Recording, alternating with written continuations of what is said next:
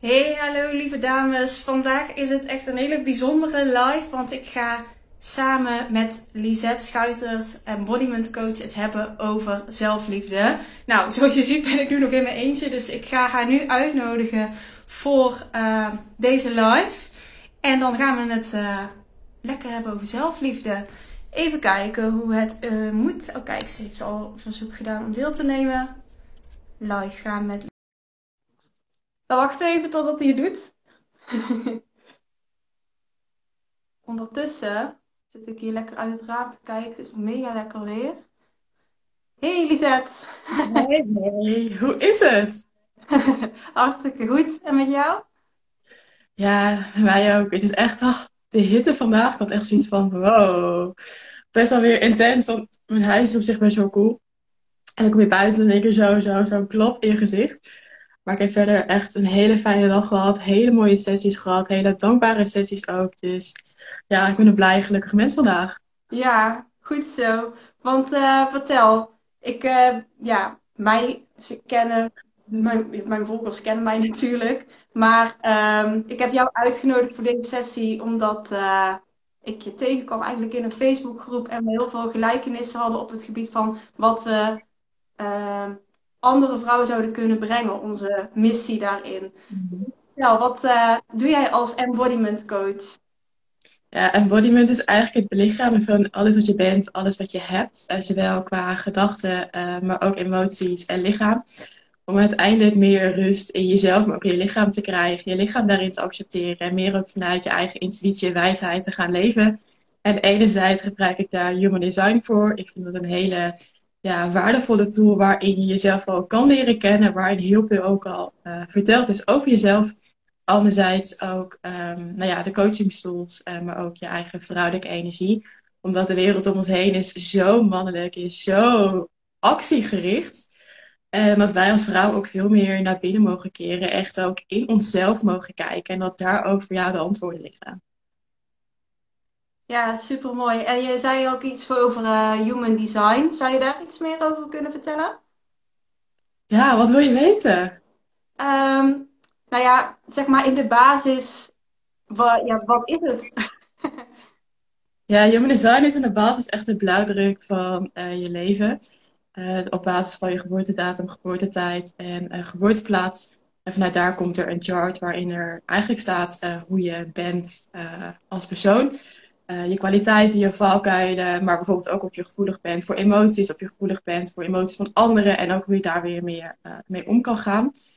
Uh, dus dat is het doel die ik als basis gebruik, expres ook als basis, dus omdat ik altijd geloof dat je kritisch moet zijn, zowel naar jezelf als naar de tools die je gebruikt.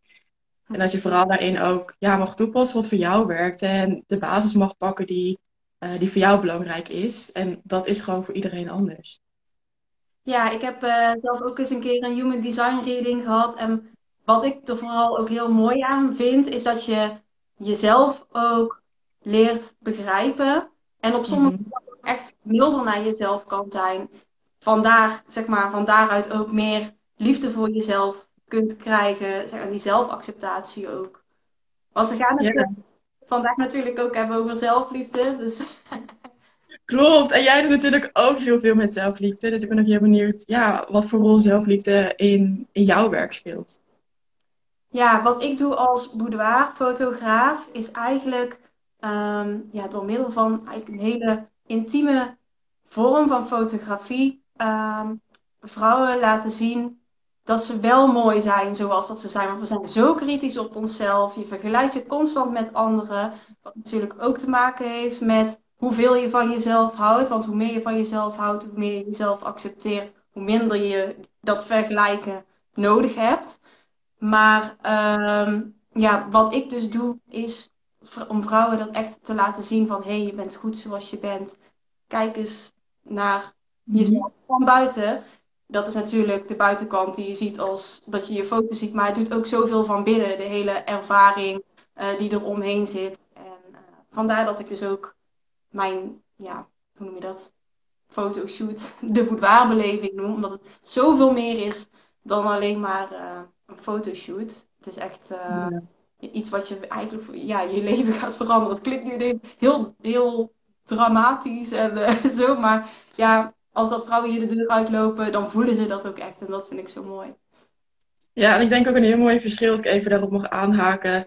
Uh, je eigen lichaam zie je heel vaak uh, in de spiegel. Uh, als je gaat douchen, als je gaat omkleden of als je de moed hebt om jezelf in de spiegel te bekijken. En op het moment dat je een foto hebt, zie je het echt van een afstandje. En ik weet dat het in mijn proces echt een verschil heeft gemaakt. Dat ik mezelf op afstand zag. En dat het ook heel helpend kan zijn om bepaalde gedachten om te buigen. Zo van, hé, hey, weet je, mijn lichaam is oké, mijn eigen waarde is daarin oké. Ik zie mezelf zoals het zeg maar is, zonder dat ik een bepaalde angst opleg en zonder dat ik een bepaalde lading opleg. Ja. Dat dat daar echt wel een verschil kan maken. Jazeker, ja, dat klopt helemaal. Hey, en ik ben ook benieuwd um, hoe dat jij zelfliefde, het woord zelfliefde, zou omschrijven. Oh, nou. oh, dat is echt zo'n grote ja, koepeling, vind ik het. Ik vind ergens is het jouw basis, de basis van waaruit je mag leven. Onvoorwaardelijke liefde voor jezelf, voor je eigen proces, voor alle pijn die je in het leven mag meemaken. Um, en dat het altijd ook weer kan evolueren. En dat dat zelfliefde altijd de basis is waar je naar terug toe kan. En dat je in jezelf dat vertrouwen, maar ook een stukje liefde mag verankeren. Zo van, weet je, I got this. Ik draag mezelf. Ik mag mezelf ook dragen. Ik heb mezelf lief en ik kan dat. Um, ja, dat. Ja, ja. En wat ik een hele goede vraag vond van iemand uh, die ook in mijn um, uh, community zit, in de Facebook community, zei van, ja, hoe is dat dan anders dan zelfacceptatie? En dat vond ik best wel een, een, mooie vraag ook, omdat die dingen die, die liggen natuurlijk ook ja, bij elkaar.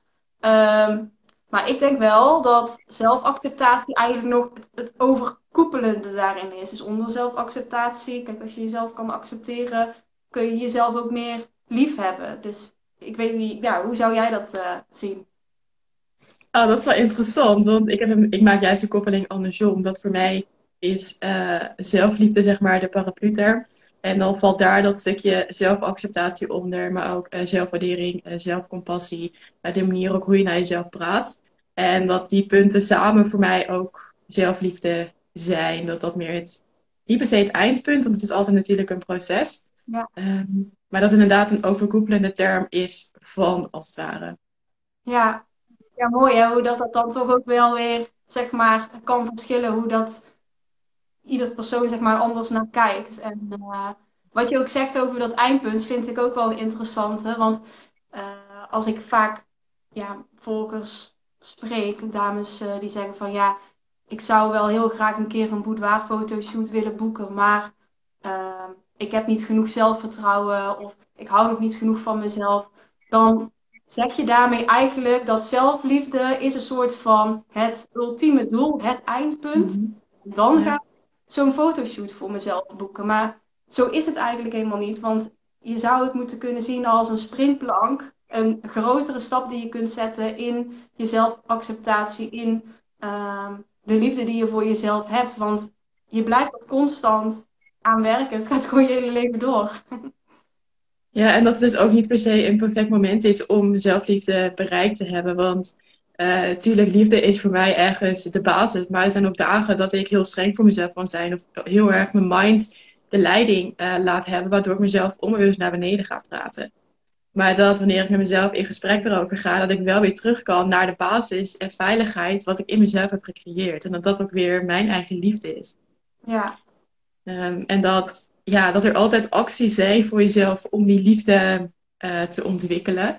Maar dat dat op elk moment mag. En dat je daar niet per se iets bereikt voor hoeft te hebben. Dat je daar niet zoveel kilo voor hoeft af te vallen. Of hè, dit moet zijn. Nee, het kan op elk moment. Want in jouw eigen proces mag je altijd de nieuwe forward blijven drijven. En niet voor een ander, maar echt ook voor jezelf.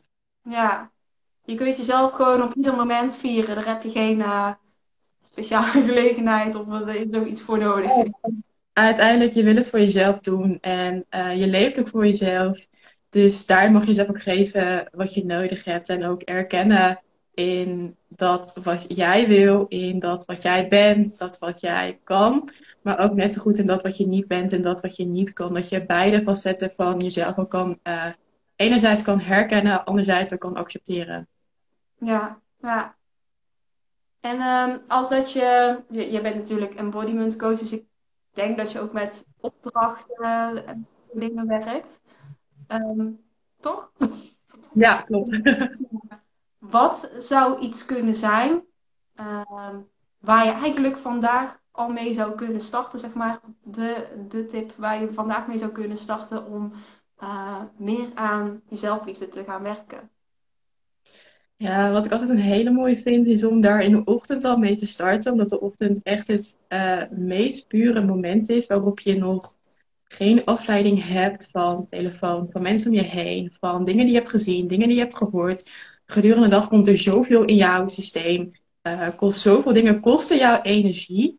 En door in de ochtend al stil te staan bij jezelf, weet je ook dat je echt de dag vanuit een bewuste intentie voor jezelf kan beginnen. Dus hoe ik dat zelf altijd doe, is dat op het moment dat ik wakker word, dat ik direct al dankjewel zeg tegen het leven. Dus van ja, dankjewel dat ik weer een dag heb. Dankjewel dat ik weer een dag vanuit liefde mag leven en keuzes mag maken die bij mij passen. Maar ook dat ik mezelf erin kan vragen wat, wat ik nodig heb. Ehm, hoe ik een fijne dag kan maken. Wat ik vandaag überhaupt ga doen. Hoe ik me voel. Ehm, en mocht je het fijn vinden, kan je dat gedurende de dag herhalen. Bijvoorbeeld bij de lunchpauze of uh, bij de middagpauze. Want vaak is het wel heel makkelijk om een nieuwe gewoonte te uh, koppelen aan een bestaande gewoonte. Dan is het ook net wat makkelijker om, uh, om die gewoonte er ook in te krijgen. Maar dat je echt bij jezelf gaat inchecken. Echt ook gaat voelen. Want op het moment dat je kan voelen bij jezelf, kan je ook die dingen van binnen helen die in jou spelen. Ja, ja. Ja, en zo'n nieuwe gewoonte creëren, kijk, dat is natuurlijk ook lastig, want je zit heel erg vast in oude patronen. Dus het is ook heel verleidelijk om zeg maar een soort van daartussen te dansen en dan telkens toch weer een beetje terug te gaan. Maar mm ja, het is zo mooi hoe je zegt van ja, misschien kun je je zo koppelen aan iets wat je nu al doet om het uh, jezelf ook gemakkelijker te maken. Ja, en sta jezelf er vooral toe dat het fout mag gaan. Dat je uh, gewoon keihard onbereid gaat. Want dat zijn dan ook weer de lessen die je mee mag nemen en dat wat je mag leren. Um, en dat zelfliefde niet per se het eindpunt is, maar meer ook het gevoel wat je wil krijgen. Dus ik vraag ook heel vaak aan iemand, uh, als je een nieuwe gewoonte gaat implementeren, van hé, hey, maar wat, wat, maakt dat die, dat die gewoonte voor jou belangrijk is? Wat voor gevoel geeft die gewoonte jou en waarom is het überhaupt belangrijk? Zodat het ook echt vanuit jezelf komt en niet vanuit iemand uit de omgeving. Ja, ja. En ik hoorde je ook zeggen van nou, doe, begin vooral s ochtends, omdat dan heb je je nog niet van telefoon en zo. Maar ik ben heel erg benieuwd. Ik zie dat er ook een aantal mensen meekijken. Wat is het eerste wat je doet als je opstaat? Iemand willen reageren. Want ik denk uh, dat het voor mij, nou, ik ben deze gewoonte nu aan het, uh, hoe doe je dat? Doorbreken. Ik heb mijn oh, hoe doe je dat? Te liggen. En ik heb een, uh, een wekker. Dus ik word ja. door de wekker. Er kan geen excuus meer zijn dat ik daar mijn telefoon voor nodig heb. Even kijken, wat zegt Anne? Anne Nieuwenhuis. Ik gebruik de eerste twee à drie uur mijn telefoon niet. Oh, supergoed. Supergoed, Anne. ja, want um, ik hoorde dus in een podcast, dat ging over je brein en hoe dat werkt met die stofjes en zo. Um, ja wanneer dat jij dus wakker wordt en je kijkt dan meteen op je telefoon, schiet je in een soort van ja, werkstand, prehistorisch gezien in een soort van uh, overlevingsstand. En dat is dus eigenlijk de toon die je voor die dag zet. Dus je, je bent mhm. constant in je hoofd bezig met rennen. En uh, nou ja, dat herkende ik wel. Dus ik dacht, nou, ik ga, ik ga hier iets aan doen. Ja, en daarnaast als jij in de ochtend ook je telefoon gebruikt, je ziet, uh, mocht je een mail aanstaan, überhaupt notificaties, zie je alles op binnenkomen, kan je heel erg ook de rush krijgen dat je overal direct op moet reageren, waardoor je geleefd wordt door, door je telefoon, door anderen. Terwijl het juist moment is om even bij jezelf in te tunen, tijd voor jezelf te hebben, uh, je dankbaarheid uit te spreken. Uh, desnoods ga je even naar buiten voor een wandeling, ga je sporten, wat ook maar voor jou fijn voelt in de ochtend. Maar doe vooral de dingen die, die voor jou goed voelen. En dat je daarin ook weer mag verbinden met jezelf. Ja, Ja, want ik zie ook hier dat ehm, als ik even kan scrollen, Anne zegt ook nog, ik begin met dankbaarheid uitspreken en dan 30 minuten wandelen. Het is precies de reden waarom ik mijn telefoon niet gebruik 's ochtends. Alle notificaties uit. Wauw. Dan kan ik nog een voorbeeld aannemen. En ik heb ook een hond. ja, maar notificaties zijn echt dodelijk. Het is echt, uh, als je die aan hebt staan, dan word je helemaal geleefd door je telefoon. Ja. Um, en uiteindelijk is dat echt, uh, er wordt zoveel dopamine aangemaakt in je brein. En je wil continu maar meer en meer en meer. En daarnaast, als je zoveel op social media zit, word je ook geleefd door social media, door alles wat je daarop ziet. En dan ga je onbewust toch weer vergelijken met anderen. Wat in het kader van zelfliefde ook niet heel helpend is. Nee, want ja, social media staat natuurlijk vol met veel meer personen die je anders in het dagelijks leven zou tegenkomen. Dus ja, in principe heb je de keuze uit wie dat je vandaag allemaal uh, waar, waar, je mee wil vergelijken. Want dat. Ja. ja. Ik ga eens even kijken wat voor vragen dat er nog meer um, zijn gesteld. En mocht er dus een vraag zijn vanuit de mensen die nu kijken, stel hem ook gerust, want dan uh, kunnen we die meteen behandelen in deze live. En ondertussen ga ik even kijken op mijn uh, laptop. Even kijken. Um, oh ja, deze is wel toepasselijk uh, voor waar we het net over hadden. Hoe kan ik ervoor zorgen dat ik minder kritiek op mezelf heb? Hm. Ja en, dan, ja, en dan is het eerst ook al van, hé, hey, maar wat, wat maakt dat je kritiek hebt op jezelf? En ja, ik geloof altijd dat er altijd voordelen zijn het gedrag wat je uitvoert, zowel bewust als onbewust. Dus wat maakt dat je kritiek hebt? Wat uh, wil je daarmee bereiken? Vaak zit er een stukje vergelijken achter, dat je jezelf gaat vergelijken met anderen. Um, en wat, wat houdt dat in stand? Wat bereik jij met het vergelijken met anderen? En vaak als je dat doet, ga je zelf naar beneden praten. En dat is dus ook dat kritische stemmetje. Dan ga je negatief tegen jezelf uh, praten. En creëer daar eens bewustzijn omheen. Creëer bewustzijn rondom dat je tegen jezelf aan het praten bent, 24-7. Um, ehm, en weet ook dat sommige gedachten alsnog negatief gaan zijn. Want positief denken, dat is niet ik wil. Al je gedachten gaan niet positief zijn. Maar dat je wel bewust bent hoe je tegen jezelf praat en welke gedachten je ook van jezelf gaat aannemen. Ja, ja en ook als dat je je dan bewust bent van het feit dat je toch weer even ja, negatief denkt, wees dan ook weer niet zo hard voor jezelf dat je denkt van nee, ik mag ik niet denken. Het is oké. Alleen, ja, het is wel een hele, hele stap als dat je er bewust van bent. En probeer het dan op de momenten dat je daar bewust van bent ook, uh, ja, er toch iets mee te doen en het... Uh, en weet ook dat bewustzijn al een hele mooie stap is. En dat als jij jezelf bewustzijn kan geven, dat je vanuit daar ook weer een stapje verder kan. En denk daarin vooral in kleine stapjes. Ga niet direct van 0 naar 100, maar echt van 0 naar 1, van 1 naar 2 enzovoort. Uh, en wees daar oké mee. Um, wat ik zelf ook heel vaak doe, als ik merk dat ik mezelf omlaag aan het praten ben, dan weet ik dat het ook vanuit een stukje ego komt, vanuit een stukje mind. Dat ik ook echt gewoon mijn mind kan toespreken van, hé hey, lieve mind, dankjewel dat je er bent, dankjewel dat je tegen me praat, maar ik pak nu weer even de lead terug, ik pak de controle terug. En dat je vanuit daar ook echt weer kan kiezen uh, hoe je tegen jezelf wil praten en um, wat voor jou belangrijk is. Ja, ja en dit uh, zie ik ook al heel erg terug. Um in, uh, ja, als ik bijvoorbeeld een kennismakingsgesprek met iemand heb, ze dan zeggen van, of misschien dat, daarvoor zelfs nog van ja, ik vind het zo spannend en daarom blijf ik maar twijfelen of dat ik wel een boudoir-fotoshoot zou moeten boeken. En mm ik vind het heel eng en ja, dat soort dingen allemaal. Maar uh, wat jij zegt over, jij pakt dan zelf de controle. Ik zeg dan altijd van, ja weet je, angst en dat soort dingen mogen echt mogen er zijn. Alleen zie het als een auto, zet ze op de achterbank en zorg ervoor dat jij nog steeds achter het stuur zit. Want jij hebt de controle over je eigen leven. En ja, dit kan iets zijn wat eigenlijk je leven kan veranderen. Dus uh, neem die controle en uh, zorg ervoor dat uh, de, de, personen op de achterbank niet het hoogste woord hebben. Ja, en uiteindelijk is een angst ook maar een angst. En dat klinkt nu heel, heel makkelijk. Maar uiteindelijk leggen we zelf heel erg lading op angst vanuit vroegere gebeurtenissen, vanuit trauma's, vanuit gedachten, vanuit alles wat je gezien hebt en gehoord. En zie maar een angst voor dat wat het daadwerkelijk is, zonder dat er een lading op ligt. En dat een angst gewoon een angst is. En dat dat oké is. Net zoals dat blijdschap een emotie is en dat dat ook oké is. Net zoals boosheid ook een emotie is en dat ook oké mag zijn. Ja. Dus erken een emotie voor dat wat het is. En geef ook dat wat het nodig heeft, zodat de emotie er niet met jou van doorgaat.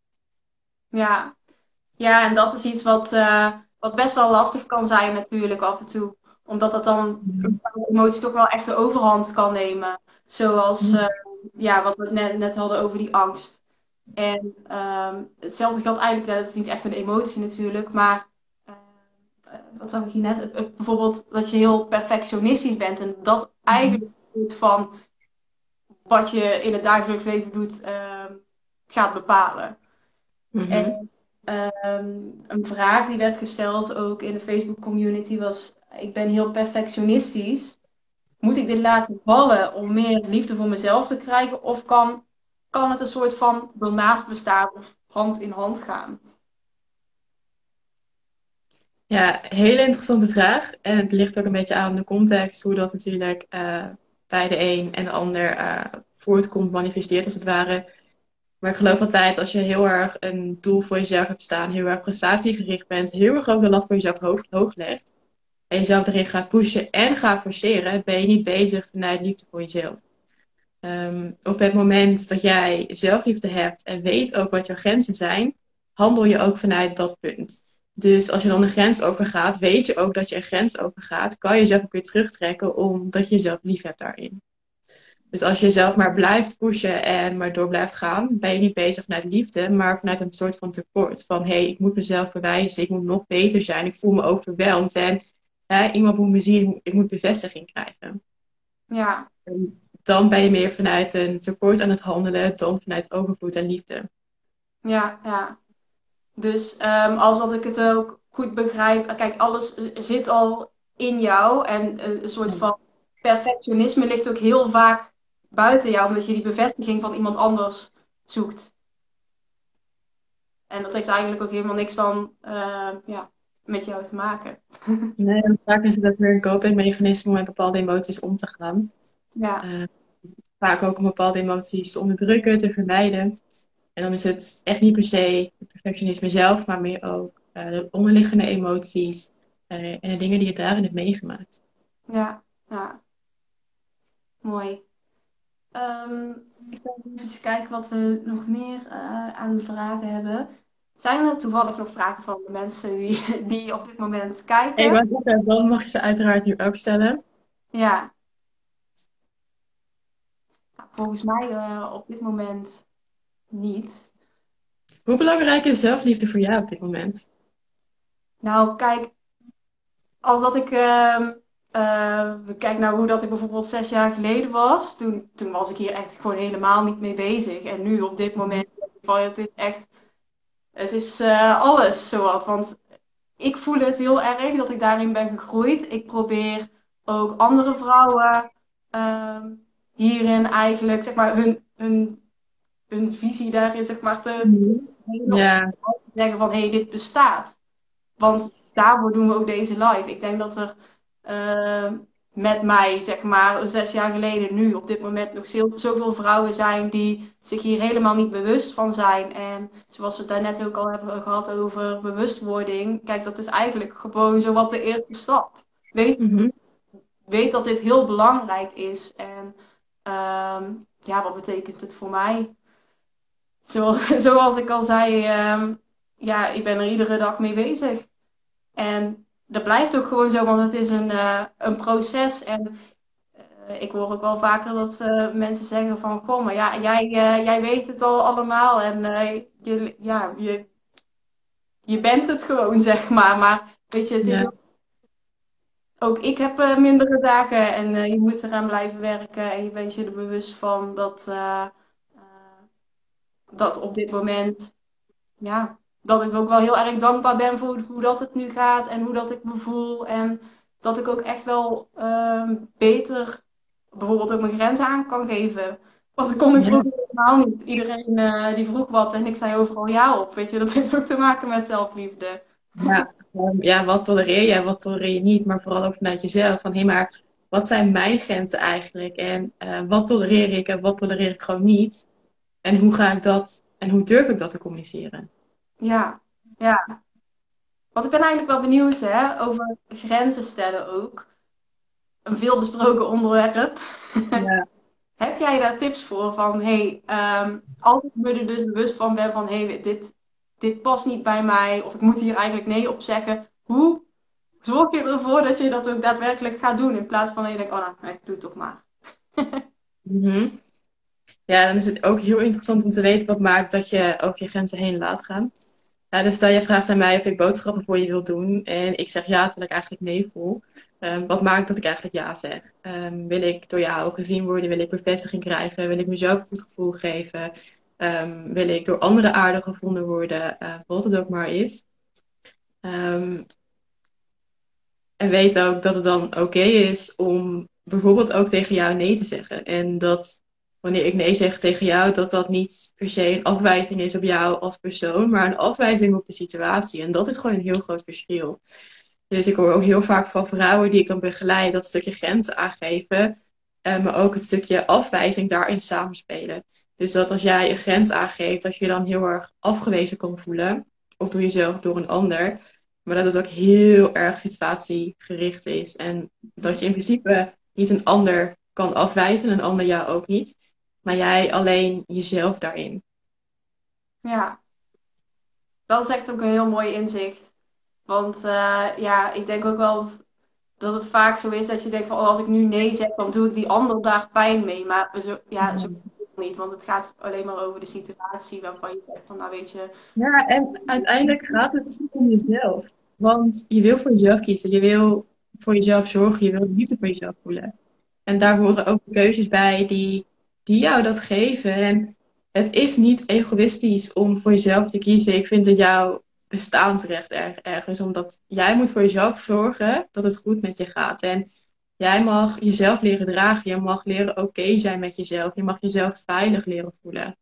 ja, En daar horen keuzes bij om jouw grens aan te geven. En tuurlijk, het is heel spannend en het mag ook spannend zijn. En soms is het ook niet leuk om te doen.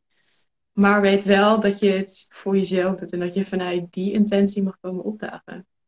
ja, ja, zeker. En daarom vind ik het ook altijd zo mooi als dat, ehm, ja, klant- klanten na een kennismakingsgesprek ook zeggen van, weet je, ik ga het gewoon doen. Want op dat moment kies je voor jezelf. Ondanks wat anderen ervan zouden vinden, ondanks dat je misschien denkt van, oh, eh, dan moet ik eigenlijk wel een oppas voor mijn kinderen regelen en eh, kan dat allemaal wel? Ehm, dat soort dingen allemaal. Ehm, je kiest voor jezelf. En ik zeg ook altijd, eh, op het moment dat je dit voor jezelf bepaalt, van nou, ik ga dit doen, mag je al mega trots op jezelf zijn. Je bent hier nog niet geweest, je hebt toch nog niet voor de camera gestaan, je hebt je foto's nog niet gezien. Ehm, maar wees trots op jezelf dat je op dit moment voor jezelf ook kiest. Ja, en dan laat je ook aan jezelf zien dat je jezelf serieus neemt. Dat je open staat om een vorm van liefde te ontvangen. Ja. Ehm, en dat als jij liefde kan geven aan jezelf, kan het ook weer doorstromen naar anderen om je heen. Want het moet eerst goed met je gaan voordat de rest van je leven, dat het daar ook op kan doorvloeien. Eh, Ja. Omdat jij voor jezelf jouw basis bent. Ja. Ja, dat is natuurlijk eigenlijk een beetje zoals die metafoor van het zuurstofmasker. Hè? Je moet eh, eerst eh, zelf het masker opzetten voordat je een ander kunt helpen. En dus je Ja. moet eerst jezelf eh, eh, kunnen houden voordat het kan doorstromen naar anderen. En eh, ja, als dat jij van jezelf houdt, dan pas kunnen anderen eigenlijk ook van jou gaan houden. Mhm. Ja. Ja. Mooi. Ik zie hier nog een ehm, reactie van Anne. I feel deze, oh dat ging over de, de grenzen inderdaad. I feel deze, ik zit er middenin en leer mijn grenzen aan te geven. Goed zo. Supergoed Anne. Zijn er verder nog vragen van iemand?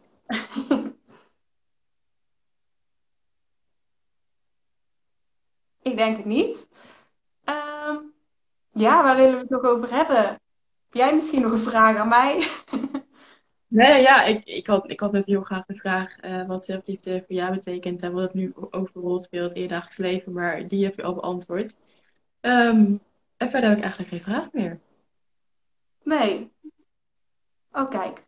Ik zie nog iets. Hoe gaan jullie om met mensen die de term zelfliefde, et cetera, zweverig vinden? Oeh, wat is zweverig, Anne?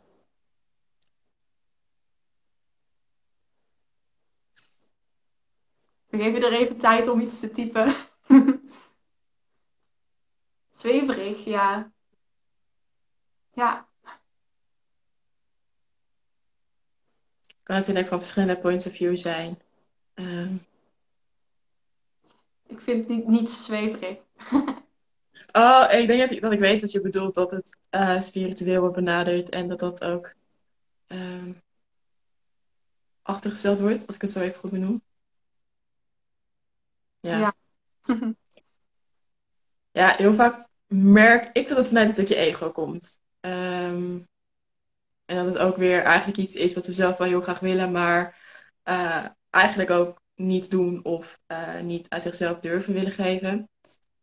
En op het moment dat iemand zegt tegen mij van oh maar het is zweverig of iets anders, dat het zweverig is of te spiritueel, heb ik eigenlijk heel veel respect voor die ander. Van ja, dankjewel voor het delen van jouw point of view. En dankjewel dat je er zo over denkt. En dankjewel dat je het tegen mij durft te vertellen. Um, en ik ben heel benieuwd waarom je er zo over denkt. En ik ben benieuwd naar, jouw waarheid daarin. Want uiteindelijk, iedereen heeft de eigen waarheid. Iedereen bekijkt dingen op zijn of haar eigen manier. En daar heb ik alleen maar respect voor, omdat ik daarvan kan leren. En de ander kan weer van mij leren. En ik geloof dat je daarmee veel meer bereikt dan iemand, um, ja, heel grof gezegd, gaat afzeiken of naar beneden gaat praten of, of wat dan ook. Um, maar gewoon uitnodigen voor het gesprek. Van hé, hey, wat maakt dat je het zweverig vindt? En vaak zit er gewoon heel veel onder. En op het moment dat je liefde geeft aan zo'n reactie, krijg je ook liefde terug. Ja, zo is dat. Als, als je iets liefdevol benadert, dan, uh, dan krijg je inderdaad ook die liefde terug. En ja, zweverig. Ik snap wel uh, inderdaad uh, wat daarmee bedoeld wordt. Zelf kom ik ook wel uit een vrij nuchtere familie. En dat, dat woord, dat is ook wel vaker gedropt natuurlijk. En ik merk ook wel uh, dat het ook wel een stukje komt omdat er niet echt wordt begrepen wat het betekent, wat het inhoudt. Mm Alsnog, hè, als je het uitlegt en dan zegt ja, nee, maar vind ik nog steeds zweverig. Ook prima. Ja. Ja, dat is ook prima. En zo heeft ieder zijn, zijn, eigen, ja, zijn eigen waarheid daarin. Ja, ja en uit, uit een nuchtere gezin komen herken ik wel heel erg. En weet je, dan, dan voel ik ook dat het oké is dat het uh, niet begrepen wordt, omdat ze het ook niet kunnen weten. Uh, dus dan is het voor hen heel makkelijk om het af te doen als, nou ja, in dit geval zweverig. Um, en is het ook logisch dat ze daar zo over denken. Ja. Even kijken, Anne zegt dank voor jullie antwoorden. Voor de vraag. ik vind het heel leuk uh, dat je zo goed meedoet, Anne. Vinden we allebei leuk, denk ik. Zeker, zeker. Heb jij verder vragen? Nou, ik denk dat we gaandeweg het gesprek dat de algoritme opkomt, dan heb ik het eigenlijk uh, al gevraagd. En ik had hier mijn lijstje. Nou, ik kan kijken of dat we nog wat uh, Volgens mij hebben we alle vragen gehad. Um, uit mijn hoofd. Ja, dat denk ik wel, inderdaad. Mm -hmm. Ja. dat klopt. Top. Nou, ik vond het in ieder geval super leuk uh, dat we dit samen zo konden doen. Ja. Mochten er voor de mensen die het terugkijken nog vragen zijn voor een van ons, uh, weet dat jullie altijd welkom zijn in DM. En dat we met alle liefde naar jullie vragen kijken en die willen beantwoorden. Dus mocht je voelen dat je nog vragen hebt, um, reach out. Ja, zeker. En uh, ik bedenk me net dat ik, het is al een tijdje geleden, maar twee maanden geleden, drie maanden geleden heb ik een uh, zelfliefde gids geschreven met 19 opdrachten, zodat je eigenlijk je meer bewust kan worden van hoe dat je nu over jezelf denkt. En oh, modus kan gaan. En die kun je gratis uh, downloaden via de link in mijn profiel. Dus ik zou zeggen, nou, mocht je hiermee aan de slag willen gaan, een klein beginnetje willen maken, dan kun je daar in ieder geval uh, al de zelfliefdegids vinden. Mhm. En mocht je inderdaad nog vragen hebben voor Lisette of voor mij, mag je ons altijd een DM sturen. Ja, altijd. Ja. Nou, dan uh, sluiten we hem hierbij af. En dan uh, wens ik iedereen nog een fijne avond. Even kijken. Moet ik natuurlijk wel op een kruisje duwen.